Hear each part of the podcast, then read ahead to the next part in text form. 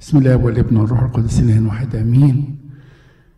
نرفع قلوبنا لربنا الموجود في وسطينا دلوقتي إنه فعلا يفتح قلوبنا علشان نتعلم منه ونسمع صوته. في الكلام الحلو اللي بعته لنا في سفر صمويل. كنا وصلنا في سفر صمويل لحد أصحاح عشرة لو فاكرين.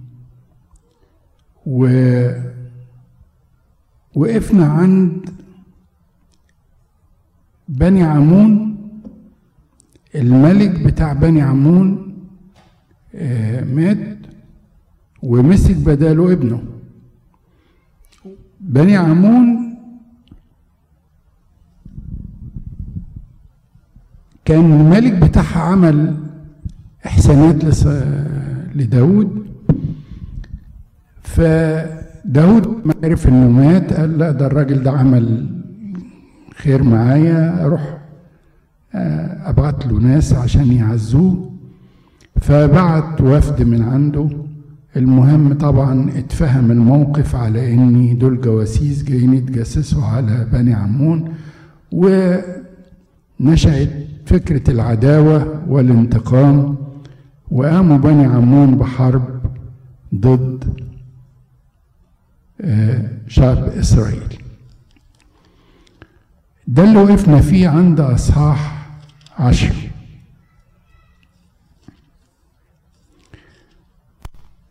كل المرحلة اللي فاتت وال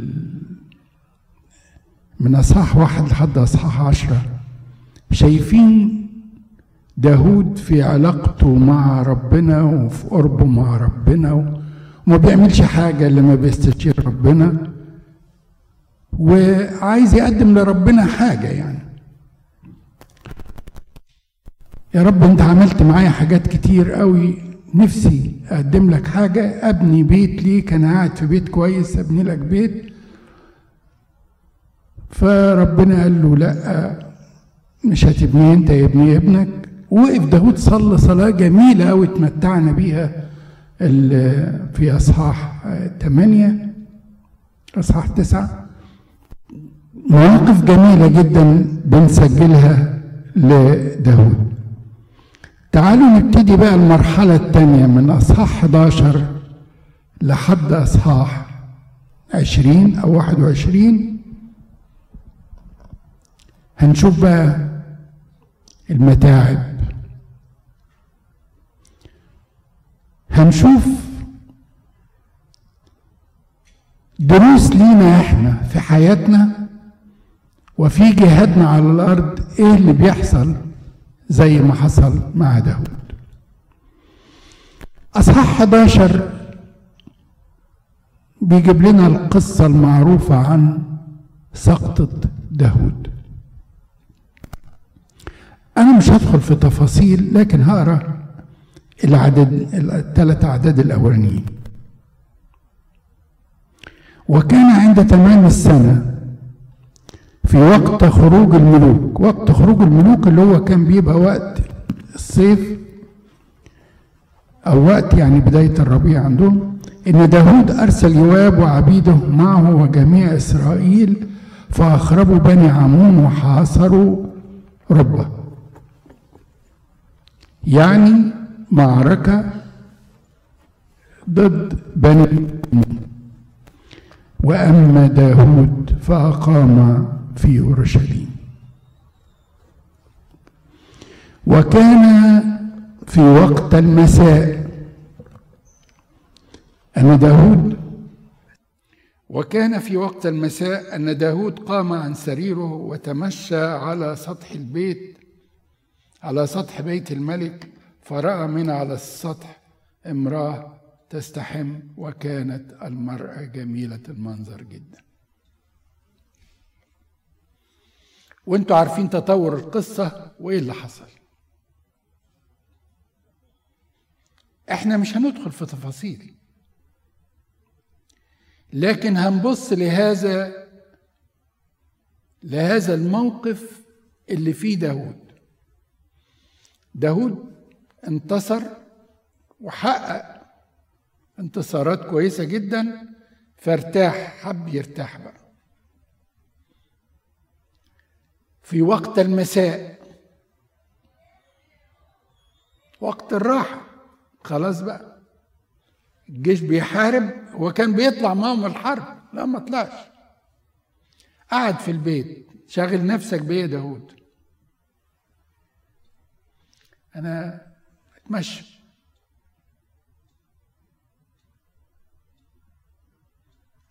فطلع فوق السطح. وأنتوا عارفين بقية القصة. في ناس كتير جدا بتلوم داود وبتقول إيه السقطة دي؟ ملك زي ده وإزاي ربنا تمجد معاه وعمل المعجزات وخلاه من راعي غنم لحد ما يبقى ملك؟ ونصروا على شاول. وكل الأحداث اللي شفناها قبل كده في سفر. صمويل الأول وفي العشر الصحات الاولانيين وتسقط يا داود.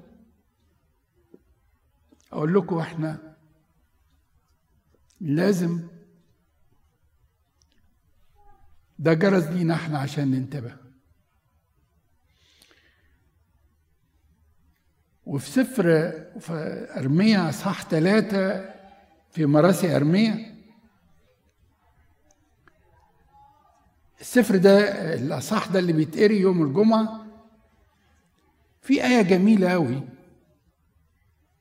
بتقول فلنفحص طرقنا ونختبر خطواتنا ونرجع إلى الرب.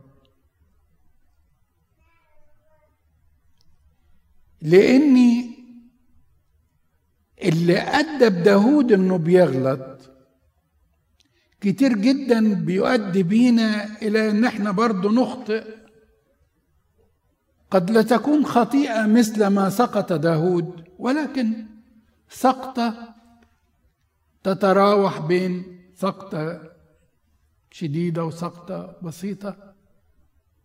بنفس التصرفات اللي مرت بداود وقت راحة. يعني بنحس كده إن إحنا خلاص بقى إحنا يعني بقينا كويسين. بقينا يعني بنروح الكنيسة بقينا بنخدم بنتناول بنعترف بنصلي. يعني في راحة. مفيش داعي بقى دلوقتي. وبتمر بينا لحظات الهدوء وقت المساء. وهو ده الوقت اللي بيختاره إبليس عشان يسقطنا ويضعنا في مواقف تسبب لنا متاعب. إبليس حينما يحارب ما يحاربش من سقطة واحدة لا ده بيجر وراها حاجات تانية كتير. إبليس لما سق... داود لما سقط كلكم عارفين ما عالجش السقطة بتاعته بتوبة مباشرة. ده عالجها بسقطة تانية وخطية تانية. مرات مين؟ مرات أورية أورية ده فين؟ في الجيش. طب أنا غلطت معاها طب أتخلص من الموقف ده إزاي؟ خلي بالكم إن ربنا عطاله في وقت زمني. لو دققنا بس في الكلام شوية إني هو غلط الغلطة. الآثار بتاعتها ظهرت بعدها بفترة. في الفترة دي هو بارد خالص ولم يشعر بخطأه لحد ما عرف بإن الخطية بتاعته لها أثر موجود في امرأة أورية. فعايز يتخلص من أورية عايز بالظبط يدار الموقف. طب هاتوا أورية بقى من الجيش. فبعت لقائد الجيش بتاعه وقال له ابعت لي أورية جه أورية فاكر إنه الملك عايزه في حاجة يعني؟ قال له روح ريح شوية في البيت. طلع إن أوريا عنده رؤية بعيدة أكتر من داود اللي ربنا عمل معاه معجزات يقول ما روحش البيت نام مع الحراس بتاع البيت بيت الملك وما راحش بيته. فلما قالوا له لا ده ما راحش بيته ده موجود. فناداله قال له إزاي أروح أنام في بيتي؟ وتابوت الله موجود الله موجود. على الجبهة هناك بيحارب وإخواتي بيحاربوا. وأنت يا داود اللي ربنا أعطاك العظمة والمجد ده كله خلاص؟ أصل داود كما يحدث لنا كثيرا جدا. غاب عنه حاجة واحدة. حد يقدر يقول لي إيه؟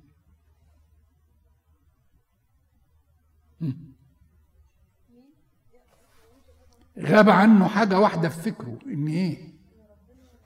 بالظبط كده اعتدال. أن الله يراه. ده انت يا داود عارف قصة يوسف.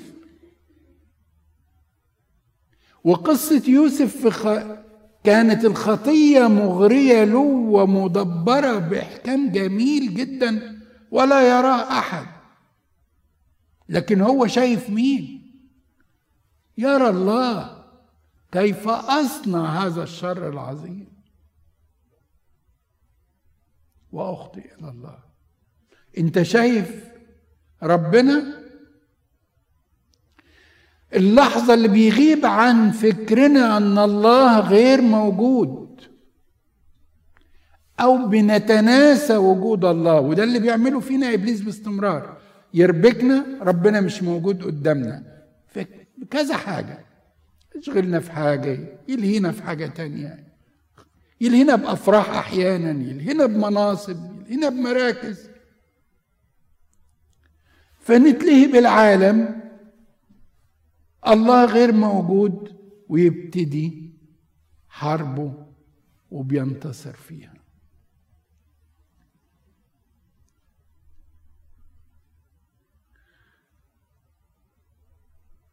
هذا هو ما يحذرنا منه هذا الأصحاح. لتكن عينانا مفتوحتان دائما أن الله موجود. تعجبني دايما المقالة المقولة اللي كان بيقولها. الله ينيح روحه بابا شنودة. ربنا موجود. ربنا موجود يعني ربنا شايف وعارف ويستطيع حينما يرى أن يحرك هذا الكون كله لأجلنا. ربنا موجود.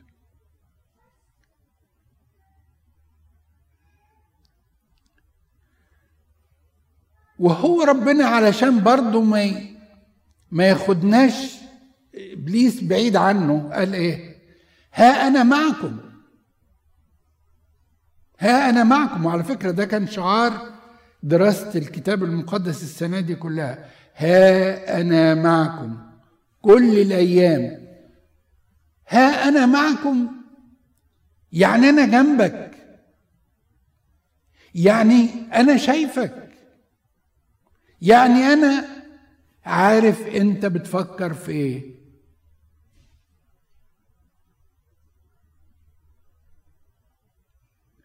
ده بيقول لنا وأبوكم الذي في السماوات يعلم ما تحتاجون إليه قبل أن تسألوه. ده أنا عارف أنت بتفكر في إيه وأنت محتاج إيه. ده أنا جنبك. إن سقط داود لأنه نسي أن الله موجود وشايف. الله يرى. الله فاحص. فاحص القلوب والكلى. عشان كده داود بعد كده في أحد المزامير بتاعته يقول أروح منك فين؟ ده أنت شايف كله شايف فوق شايف تحت شايف كل مكان. لأنه كاشف استار الظلام. الشعور بأن الله موجود يا أحبائي بيخلق من جوة مش خوف. أرجوكم الله لا نريد أن نعبده بخوف. اعبدوه بخوف ورعدة. هذا الخوف خوف حب. أنا خايف أزعله لأني بحبه. عشان كده لما بيسألهم في مرة الانبا انطونيوس بيقول لهم أنا لا أخاف الله فازاي إزاي لا أخاف الله؟ فقال لهم لأني أحب الله. مهابة.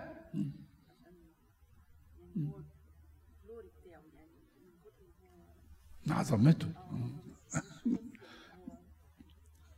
لا بس هو شوفي مع كل هذا ربنا يعني عايزنا عايزنا نقرب لهم رغم المجد والعظمة والمهابه اللي هو فيها لكن بياخدنا إحنا طبعا التراب والرماد وال... بيحبنا بيحب لأن نحن نحبه لأنه أحبنا اولا. نحن نحبه لأنه أحبنا اولا. لما بنخافه مش بنخاف منه. عشان العقاب اطلاقا. وده مفهوم أرجو إنه نفكر فيه شوية. نحن نعبد الله ليس خوفا ولكننا نعبد الله حبا. ولما إحنا بنحبه نخاف نزعله. نخاف نغ... نعمل حاجة غلط. أي واحد بيحب واحد تاني يعمل حاجة تزعله؟ اسألوا ولادكم شوفوا أنتوا بتعلموهم إيه. لا يمكن. حينما نخاف الله لا نخاف من عقابه ولا نخاف من إنه هيرمينا في الدينون في جهنم اطلاقا. نحن نخافه حبا. لأن إحنا مش عايزين نزعله لاني انت بقيت حبيب حبيبي وبقول له أنا لحبيبي وحبيبي لي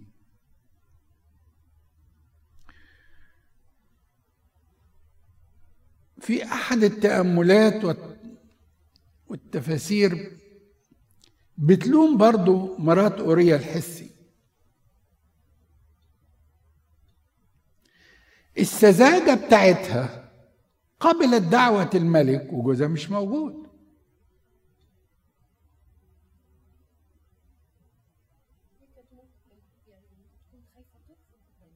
ما ممكن صح يا كريستين صح. يعني ده الملك و يعني مش عايزين ناخد في دي لكن الإنذار لينا والتحذير لينا عشان أولادنا وبناتنا. ما تكونوش سذج. وحينما ترى أن هناك خطأ قل لا. بقوة. بقوة. لأني هذه القوة هتخلي الله يعمل معك وهو يقدر يستخدم المواقف زي ما هنشوف بعد كده وينجيك من أي حيلة هم يعملوها.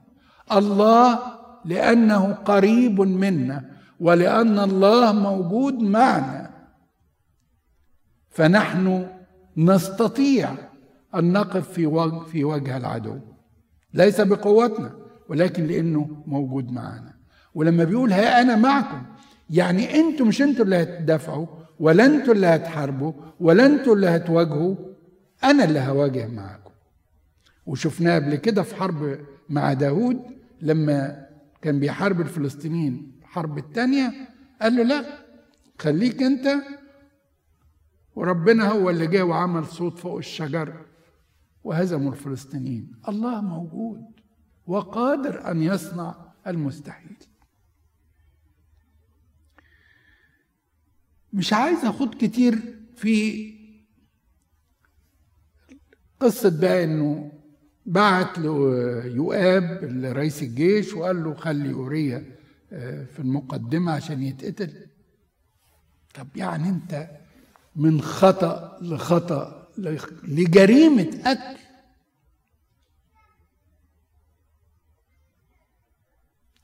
صدقوني في ناس كتير بيتدهوروا بنفس الطريقة. من غلطة لغلطة لغلطة بيكملوا.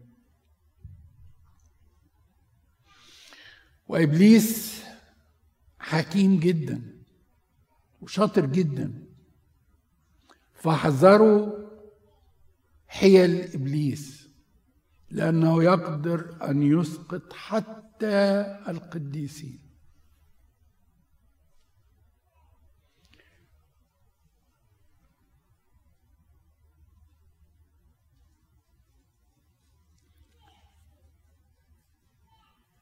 عشان كده بولس الرسول بيقول لنا في رسالة كورنثوس الأولى أصحاح عشرة من يظن أنه قائم إيه؟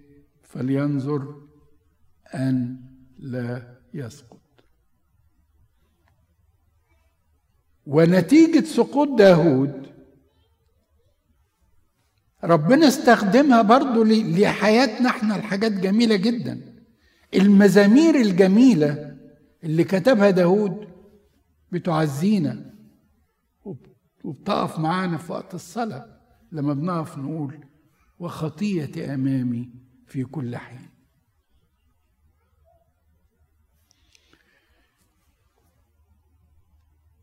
طبعا القصة مات أوريا مات أوريا الحسي وداود ضم المرأة إلى زوجاته. لكن الله لا يقبل الخطأ. آه داود فتشت قلب داود بن يسى فوجدته حسب قلبي. داود كويس. لكن الغلطة ليها عقاب بعض الناس بيعتبروه عقاب وبعض الناس الروحيين بيعتبروه تأديب. ربنا ما بينتقمش من حد اطلاقا. إلا الأشرار اللي خلاص يأس منهم في عقاب ليهم خلاص. ما هم دول ما لهمش خلاص. الله كاشف الحاضر والمستقبل وعارف الناس دول إيه. عارف إنه لو سابهم ممكن يكونوا سبب شر وعثرة لآخرين. فالله بيتخذ معاهم إجراء فعلا قاسي. بعض الناس يقول لك ده عقاب والله يميت أبدا. الله يهب الحياة. لكن لأن دول نتيجتهم هي هي سواء النهاردة أو بكرة لأنهم يتمادوا في الشر زي سدوم وعمورة لا دول موتهم إنقاذ للبشرية وانقاذ لناس تانيين وعبرة لآخرين. فالله قد يسمح بعقاب معين لأشرار لأنهم نهايتهم هي كده. ويسمح بتأديب لاولاده علشان إيه؟ يصفيهم وينقيهم ويرجعهم. والذي يحبه الرب يؤدبه.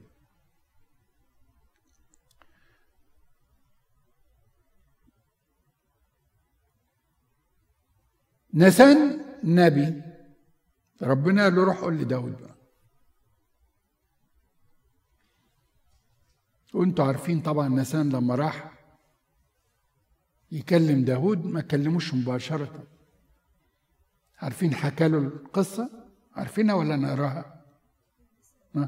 نعم؟ نقراها؟ طيب اقرا لنا يا مريم. الإصحاح 12 فأرسل الرب ناسان إلى داود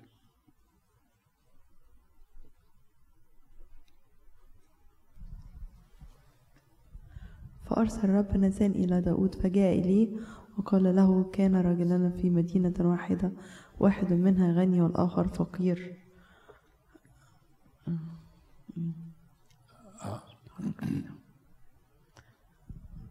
وكان للغني غنم وبقر كثيرة جدا وأما الفقير فلم يكن له شيء إلا نعجة واحدة صغيرة. قد اقتناها ورباها وكبرت معه ومع بنيه جميعا تأكل من لقمته وتشرب من كأسه وتنام في حضنه. وكانت له كابنة. فجاء ضيف إلى الرجل الغني فعفى عن يأخذ من غنمه ومن بقره ليهيئ للضيف الذي جاء لي فأخذ نجعة الرجل الفقير وهي للرجل الذي جاء إليه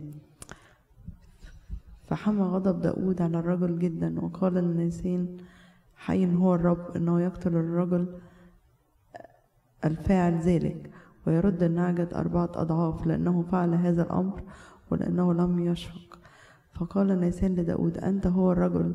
هكذا قال الرب إله إسرائيل أنا مسحتك ملكا على إسرائيل وأنقذتك من يد شاول وأعطيتك بيت سيدك ونساء سيدك في حضنك وأعطيتك بيت إسرائيل ويهوذا وإن كان ذلك قليلا كنت أزيد لك كذا وكذا. لماذا احتكرت كلام الرب لتعمل الشر في عينيه شوف حتة الحتة دي حلوة أوي نقف عندها لماذا احتقرت كلام الرب لتعمل الشر في عينيه لتعمل الشر في عينيه يعني ربنا شايفك. عيناه تخترق أستار الظلام. عيناه تخترق أستار الظلام. تعمل الشر في عينيه. يا ريت ولادنا يعرفوا أن الله عيناه تخترق استار الظلام. يا ريت نعلم ولادنا أن الله موجود في كل مكان. الله مش بيصور اللي بيحصل ولا بيسجل اللي بيحصل كلام. لا ده الله بيصور القلب من جوه واللي فيه والفكر وبيسجله عنده.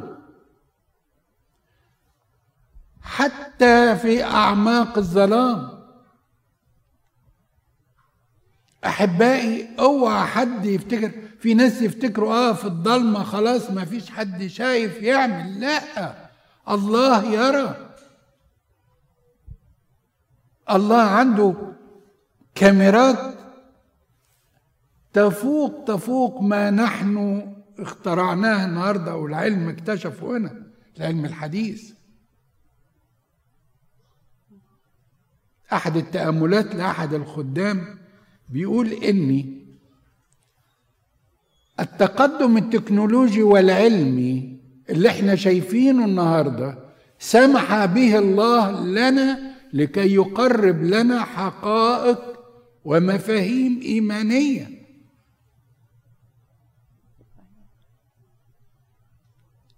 يعني الأقمار الصناعية النهاردة اللي بتكتشف أعماق الأرض فيها إيه؟ بترول فيها معادن فيها فيها بتصور. اللي بتصور تصرفات وتحركات الناس ال GPS اللي إحنا بن... بنبقى ماشيين شايفنا لو حتى مشينا غلط يردنا تاني الله يرانا.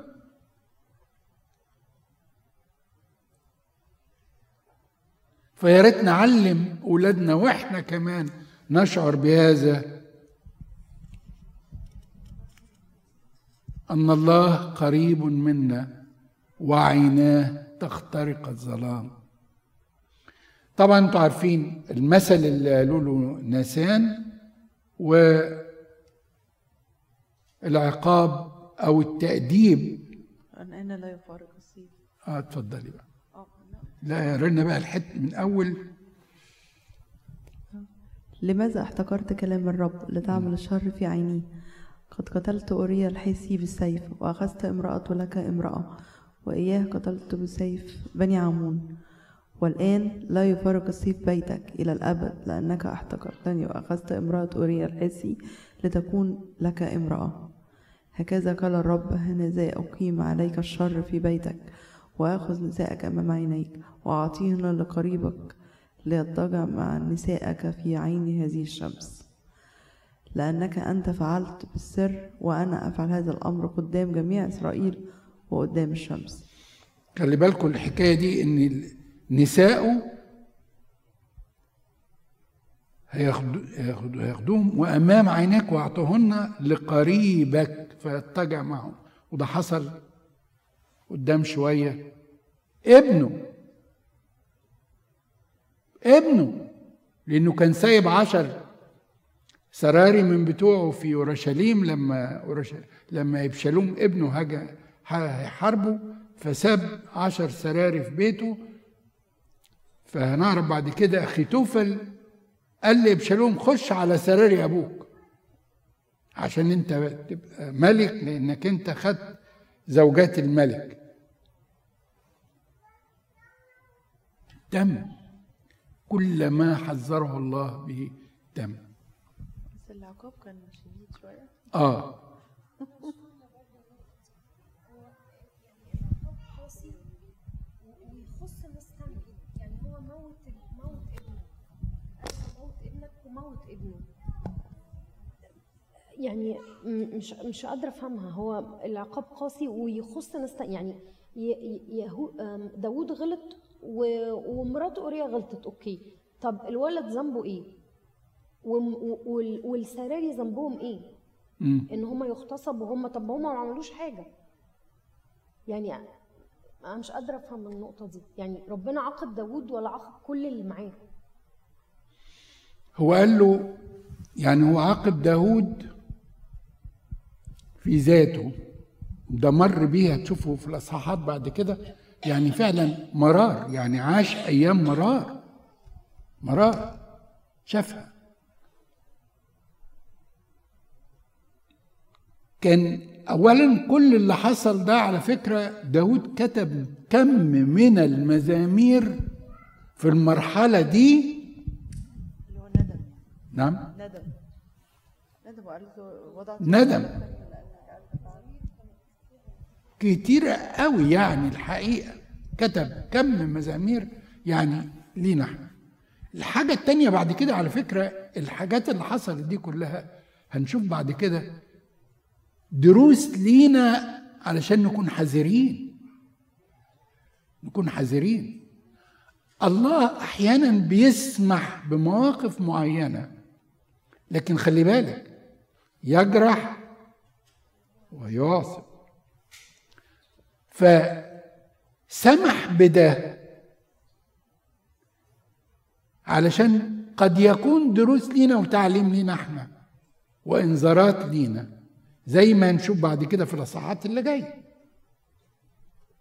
فما نقولش إن اللي حصل ده كان يعني انتقام شديد أو سوري مش انتقام تأديب شديد تأديب هو بيأدبه لأن بعد كده هنشوف داود ده يعني.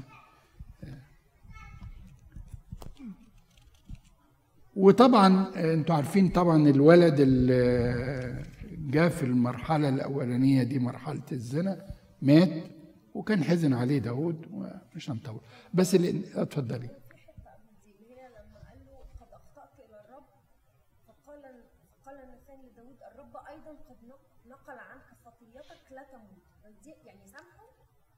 آه طبعا يعني هو بيقول له هو ده هو داود اعترف إيه فضلت الخطية في بيته آه، خ- خلي بالك لا تموت دي لأن هو داود نفسه حكم على لما ناسان جاب يحكي له فقال له الراجل ده لازم يموت. فقال له لا ربنا خلاص ما دام انت تبت واعترفت بخطيتك انت مش هتموت بس في تأديب ليك بقى جاي. تعالوا نشوف بقى في أصحاح 13 ال- إيه اللي حصل قصة يمكن برضو عارفينها ودي مشكلة داود برضو خلي بالكم إنه كان متجوز ستات كتير فمخلف منهم كتير فطبعا الستات مش زي بعض ومحبة مش واحدة. والولاد ما مش طباع واحدة وهو ملك مش واخد باله بقى يعني. وده برضه هنشوف نتيجة إنه أحيانا بننشغل بحياتنا إحنا الشخصية واهتماماتنا ومراكزنا وشغلنا ونسيب بيوتنا. داود كان كده. لأن واضح إن الأولاد ما كانوش فيهم يعني علاقة الحب اللي بينهم والمهابة اللي بينهم والخوف على بعض بينهم أول غلطة حصلت إن ولد من ولاده حب أخته. أخته دي من أم تانية. ليها ثمار أخت. ابشلوم كانت جميلة جدا. فحبها ماشي. هل محبة أخ الأخت؟ لا تطورت إلى أكثر من ذلك وصلت إلى خطية الزنا. وسقط الأخ مع أخته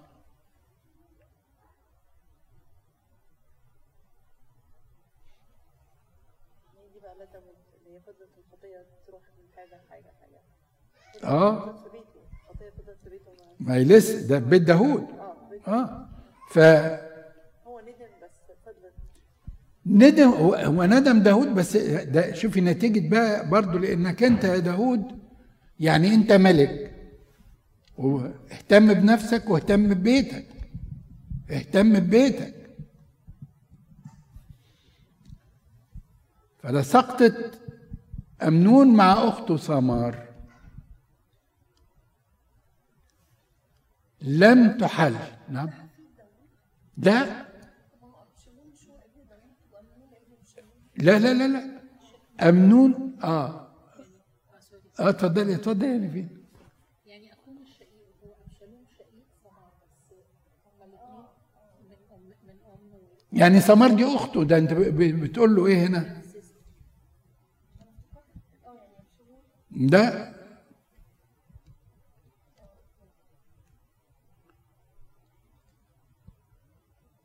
فقال أمنون لما تمارض بقى وعمل نفسه عيان فقال أمنون للملك دع ثمار أختي. فتأتي وتصنع أمامي كعكتين فآكل من يدها. أختي يعني دي أخته تحيي أخته بس مش شقته وعلى فكرة كان ممكن جدا يتجوزها. لأن كان ما كانش لسه آه آه طب ما هو ده اللي أنا كنت عايزه اقوله هو ساعتها دي ما كانتش خطيه لا خطية إنه يزني. كان ممكن يتجوزها لكن آه. لأنها كانت من أم تانية. كان ممكن يتجوزها. إنما هو زنى معاها وطردها طرد وحش جدا. يعني شهوة. شهوة. شهوة. ضعف. ضعف. وياما ياما كتير قوي لو هو كان يقدر يتجوزها يعني ما كانش متجوزها مثلا؟ ما كانتش متجوزة لا دي كانت عذراء. زي مشكلة اللي هي الشبع. الشبع. لا لا دي كانت عذراء. كانت بنت يعني كانت عذراء. آه آه. ما كانتش اتجوزت لسه خالص. عذراء. ف فكانت يعني سقطة برضو.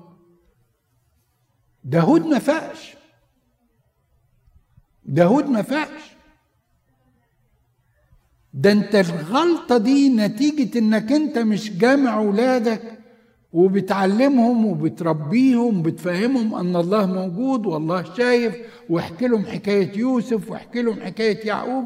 يا يا داود ده انت ما تخلي طب ما انت كنت طالع تستريح وتريح يعني. يا أخي لم ولادك. اتعلمهم عرفهم طريق الله. لا تجعل من مشغولياتك كملك أن ته- تلهيك عن مسؤولية بيتك وتربيتك لاولادك ودي سذاجة غير مطلوبة في حياتنا. تفتح عيوننا على ما يواجهه أولادنا وبناتنا من مشاكل في بيوتنا. خلينا حريصين جدا. اغرسوا في الأولاد وفي البنات أن محبة بينهم محبة طاهرة نقية والله موجود في وسطها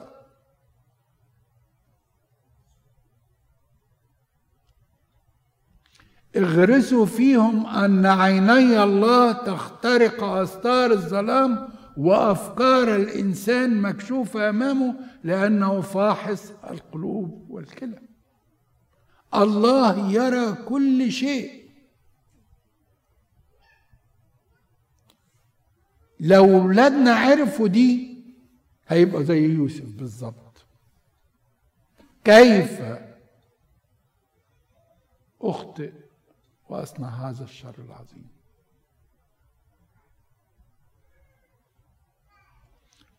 فده أول درس بنتعلمه من سقط داود إنه ما كانش واخد باله من بيته وتربيته لأولاده وعلاقة الأولاد مع بعض.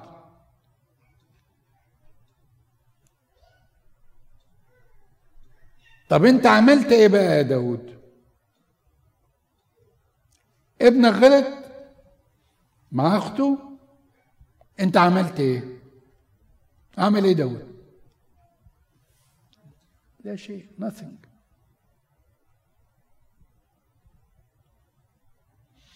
إبشالوم أخته غير عليه طبعا. طبعا. إيه اللي هيحصل؟ ابشالوم قعد سنتين منتظر إن أبوه ياخد اكشن سنتين. داود ما خدش إجراء. وده أحبائي مهم قوي العدل في البيت والعينين الأب والأم يكونوا مفتوحين على كل التصرفات اللي بتحصل. بلاش بساطة بساطة وسذاجة. داود خلاص الموضوع انتهى. ابشالوم لا. ابشالوم لسه متضايق في قلبه. إزاي أمنون يغلط مع أخته وأبوه ما ياخدش الملك ما ياخدش بشرف أخته. وما كان من أبشالوم إنه عمل إيه؟ عمل وليمة وراح للملك وقال له أعزم إخواتي وأجيبهم. وقتل مين؟ أمنون أخوه. قتل أخوه. السيف لا يترك بيتك.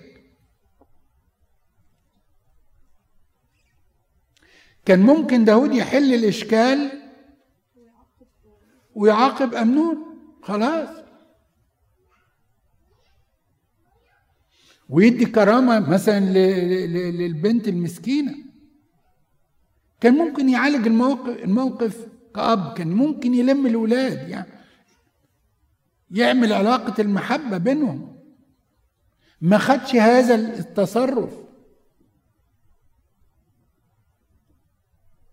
فما كان إلا من أبشالوم إنه قتل أخوه عمل وليمة وراح للملك وقال له لو سمحت أنا أعزمهم فقال له يا ابني هيبقى هيبقى عليك وبتاع كلنا هنروح. طبعا ولاد داود كانوا كتار قوي. فقال له لا ده هيبقى عيب عليك. أنا, أنا مش هروح أنا خلاص خد إخواتك. قال له خلي أمنون يجي. قال له أمنون؟ حاضر روح يا أمنون. فسمح له راح فأبشالوم وصى الحرس بتوعه إنهم بعد ما ياكلوا يروح قاتل. أمنون طبعا اللي حصل داود فاق إيه ده؟ إيه اللي جرى ده؟ إيه الكارثة دي؟ تاني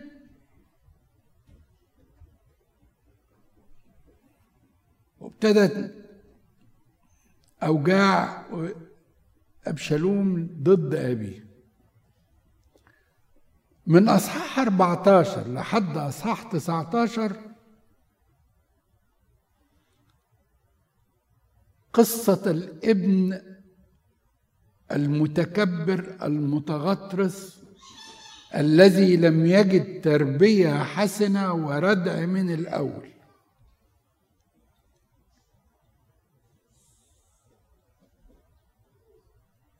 أبشالوم قتل أخوه وعرف إن داود زعل منه واتضايق.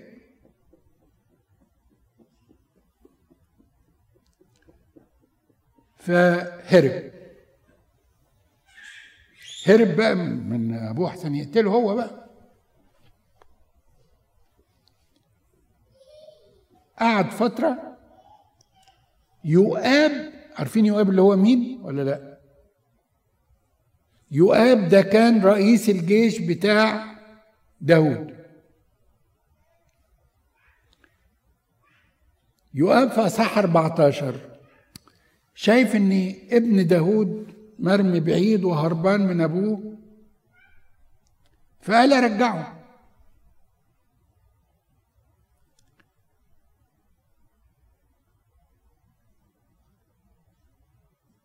لأنه حس ان داود على قلبه على إبشالوم يعني عايز يقتله يعني عايز ينتقم بقى من إبشالوم. يعني هو قتل أخوه عايز يقتل بقى داود عايز يقتل إبشالوم عشان قتل أخوه. يؤاب كرئيس جيش وخلي بالكم يؤاب ده يعني آه زي ما نقول بوشين مثلا. يحب الملك لكن بيدور برضه على كرامته. بيعمل حاجات كويسة وفي نفس الوقت بيعمل حاجات وحشة. فهو إنسان متذبذب. فهو شاف المنظر كده إن لأ ما ينفعش إن إن داوود يبقى قلبه على إبشالوم. وعلى فكرة إبشالوم بيقول عنه الكتاب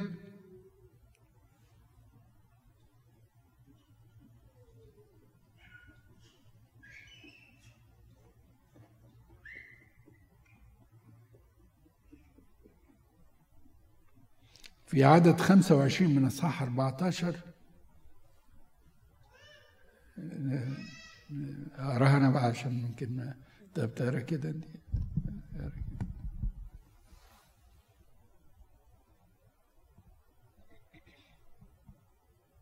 عدد 25 ولم يكن. ولم يكن في كل إسرائيل رجل جميل وممدوح جدا كأبشالوم من باطن قدمه حتى هامته لم يكن فيه عيب؟ نقف عند الحتة دي. إبشالوم ده كان جميل جدا. ما فيهوش عيب خالص يعني كان هيئة وشكل وجمال وبعد كده هنعرف إن الشعر بتاعه كان طويل قوي لدرجة إنه كانوا بي بيتوزن ب 200 شاقل أعتقد الشاقل يعادل رطل حاجة زي كده. يعني يعني شعر طويل قوي كان كل سنة يحلقه مرة. ف ولكن كان جماله وكان على فكرة الشعب برضه كان يبص له كده باحترام لابشالوم فيؤاب رئيس جيش داود فصح 14 بيقول وعلم يؤاب ابن سرويا سرويا أن قلب الملك على أبشالوم. فأرسل يؤاب إلى تقوع وأخذ من هناك امرأة حكيمة. جاب واحدة ست وقال لها شوفي بقى أنت تروحي تدخلي على الملك. تحكي له الحكاية دي. تقول أنا كان عندي ولدين. واحد منهم قام وقتل اخوه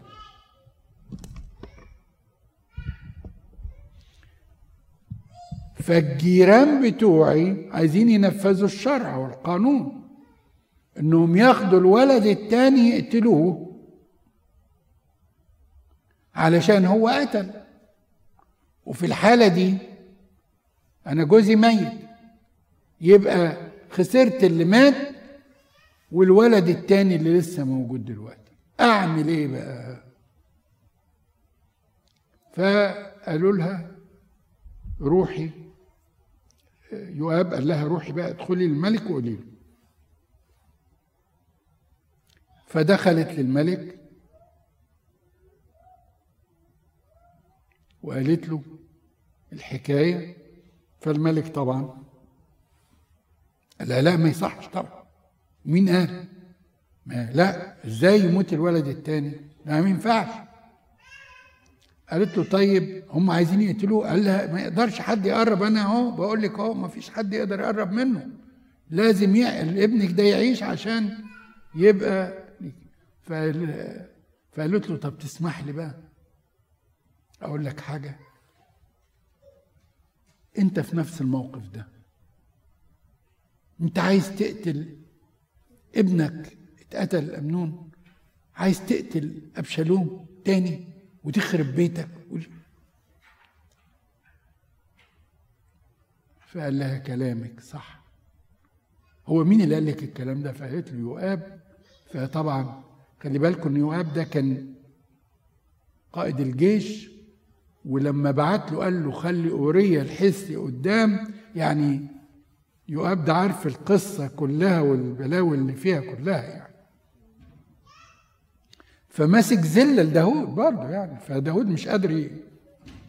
لكن يعني احترمه واحترم رأيه. يؤاب كمان لما لما بعت يقول لداوود بعت الرسل عشان يقول لداوود إن هم انهزموا وإن هم ماتوا.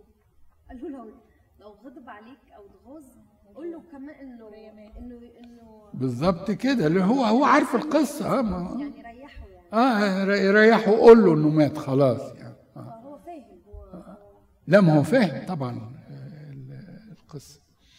و آه، طبعا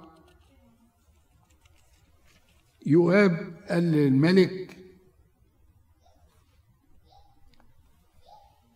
إني آه، ابشالوم نرجعه فقال له خلاص روح رجعه. طب أنا مش فاهمة هو يؤاب يعني أنت حضرتك قلت إن هو كويس شوية ووحش شوية يعني في وفي بس أنا مش فاهمة هو يعني هو كان بيحب ابشالوم مثلا ولا هو بيحاول يتقرب من داوود تاني ولا يعني ليه آه. ليه حاول ينقذ ابشالوم؟ ليه حاول ين- ينقذ ابشالوم منه يعني ولا يعني ولا إيه؟ شوفي أبشالوم كان له اولا زي ما قلت لك إنه وضع حتى في إسرائيل الكل بينظر له نظرة كويسة دي نمرة واحد فيؤاب قد يكون طبعا مش مكتوب بهذا قد يكون بعد نظره إن ممكن جدا يكون أبشالوم هو الوريث لداود فيبقى معاه. دي نمرة واحد. نمرة اتنين قد يكون إن حب يؤاب لداود وشايفه إنه غضبان على ابنه والألم بيعصره فعايز يبقى البيت فيه سلام يرجع. فهو عايز يعمل خير برضه لداود الملك بتاعه. ف يعني ممكن تاخديها على ال- المحملين. بن- بنميل للحتة الجزء الثاني شوية إنه كان برضو يعني يؤاب كان عايز يمسك ال... الاثنين عايز يمسك داود وعايز يمسك إبشالوم عشان لو ده مات أو ده موجود هيبقى الملك.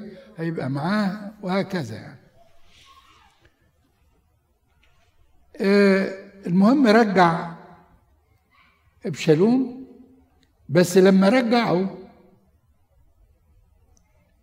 ما رضاش يخلي يشوف الملك وش الملك؟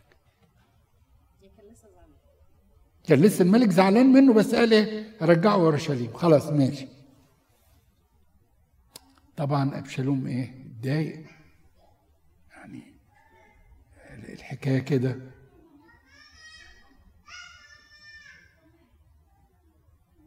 قعد ما يشوفش وجه الملك خالص.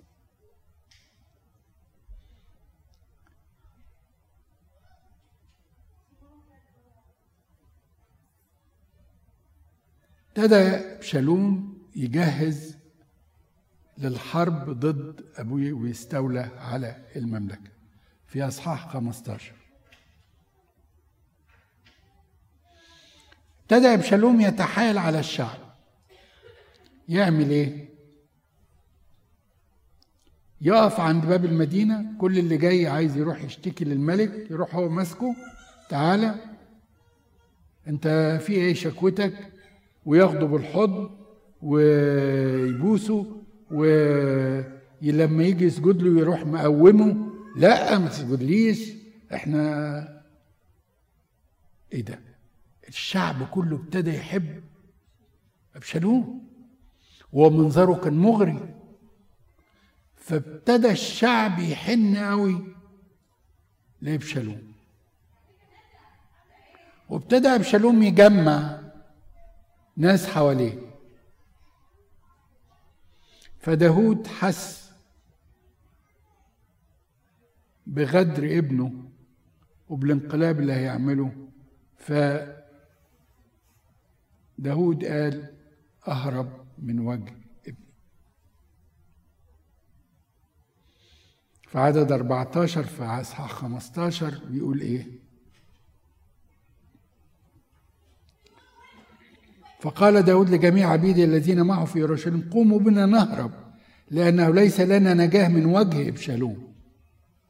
اسرعوا للذهاب لئلا يبادر ويدركنا وينزل بنا الشر ويضرب المدينة بحد السيف. داود الملك خاف من ابنه أبشالوم تربيتك. عشان كده بقول لكم الحذر واجب والتربية مهمة جدا حتى في تصرفات الأولاد. القصص لم تذكر لمجرد تاريخ إنما تذكر لكي تعلمنا ولكي نأخذ حذرنا.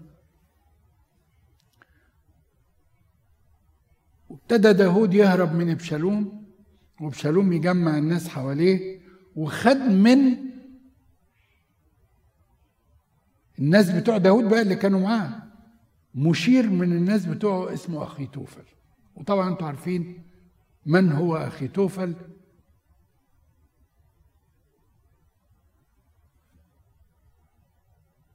اللي بنذكره في القداس بنقول إيه؟ بدد مشورتهم يا الذي بدد مشورة أخي توفل. أخي توفل ده كان فعلا حكيم جدا هنشوف بعد كده إن الكتاب المقدس بيقول إن حكمته كمن يسأل الله ياه! عنده هذه الحكمة؟ آه. لأن حكمة أهل هذا الدهر قد تخدع كثيرين وتجعلهم يعتقدون أنهم حكماء فعلا. فأخي توفل كان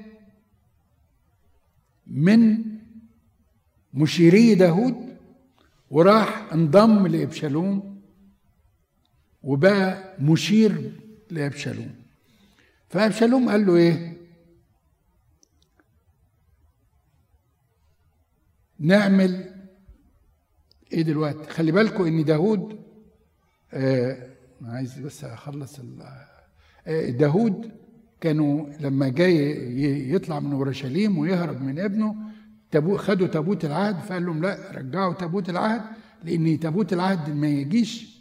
أنا دي أخطائي أنا وإذا كان ربنا عايز يقبل توبتي ويرجعني علشان أعبده في أورشليم. خلي تابوت العهد ورجع الكهنة آه، بالتابوت وقال لهم لا خليكم أنتم موجودين. وده برضو كان ترتيب من ربنا عشان الكهنة الاثنين دول كانوا موجودين في أورشليم قريبين من ابشالوم لأن ابشالوم خد مركزه في أورشليم فعرفوا القصص وهنشوف إزاي اتنقلت لداود ونيجي داود من موت ابنه. وأخبر في عدد 31 وأخبر داود وقيل له أن أخي توفل بين الفاتنين مع بين الفا- الفائتين مع ابشالوم اللي هم بيفتوا له يعني مع ابشالوم فقال داود حمق يا رب مشورة أخي توفل. في واحد من الناس كان عايز يجي مع داود اسمه حشاي وحشاي ده هنشوف الدور بتاعه كان دور حلو جدا ربنا برضه استخدمه عشان ينقذ داود. خلي بالكم رغم خطأ داود الله ينقذ ما يسيبش ولاده. فصح 16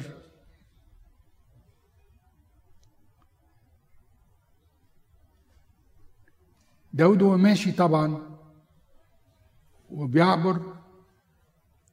طلع واحد اسمه شمعي ابن جيرة قعد يشتم في داود ويقول له يا انت قتال وربنا انتقم منك ودي ربنا خلى ابنك قايم عليك وهيج الدنيا عليك. يسب داود فطبعا الناس قالوا له لا نقتله قال لهم لا سيبوه. خلوه. إذا كان ابني بي. عايز يقتلني ها؟ لا. لأن الرب قال له سب داود ومن يقول لما تفعل هكذا. حشي راح لابشالوم وقال له أنا جاي معاك؟ قال له إزاي؟ أنت سايب داود وجاي معايا؟ قال له آه. قال له طب خلاص خليك أنت جنبي أنت كان داود بياخدك مشير له أنت تعالى برضه معايا. أخي توفل في اصحاح 17 قال له قال لي ده لابشالوم قال له نجهز بقى الليلة 12 ألف عسكري واحد من الرجالة بتوعنا ونطلع نجيب داود وهو لسه تعبان ونفسيته تعبانة والناس منهكين ونيجي نقضي على داود هننزل على داود نقتله مش هنقتل الناس هنقتل داود وننهي الحياة معاه. وخلاص يبقى الموضوع انتهى وانت عايز تقتله. هل الله يسيبه؟ مشورة الكتاب المقدس بيقول عنها إنها كانت إيه؟ مشورة أخي توفل كانت أصلح مشورة أحسن من مش أحسن مشورة الكتاب المقدس بيقول وكانت فعلا هتقضي على داود لكن الله لا يترك أولاده الله يرسل الحلول وينقذ أولاده. قد تكون هناك مشورات آخرين أعداء لينا لكن الله ما بيسيبش الموقف. يا جماعة ها أنا معكم. ها أنا معكم. ما تخافوش. لا تخف لأني معك. هنا بيقول لنا داود قال له حمق مشورة أخي توفل يا رب. وقد كان رغم إن مشورة أخي توفل كانت أنجح لكن الله يدير الكون كله ويرتب الأمور كلها ويخلي أبشالوم يسمع لكلام أخي توفل ويقول له طب استنى أنت بقى تعالى يا حشاي وابتدى يسأل حشاي وحشاي قال له المشورة بتاعت أخي توفل أنا شايف إنها مش كويسة. خلي بالكم إن الكل اللي كان يثق في مشورة أخي توفل قال له أنا بصراحة مش شايف المشورة لأني أبوك راجل حرب وراجل كذا وم- وعارف المغاير وابتدى يدي لأبشالوم صورة عن أبوه داود إنه راجل محارب كويس وفاهم. مش هيقدروا يوصلوا له ولو ضربوا الرجالة بتوعك هتنهزم 12 ألف إيه؟ ده أنت تلم جيش كبير قوي مش 12 ألف بس، كل إسرائيل طلعوا يحاربوا معاك وتنزل مرة واحدة كالطل على أبوك تقضي عليه. كمل الأسبوع الجاي بنعمة ربنا لإلهنا كل المجد إلى الأبد. آمين.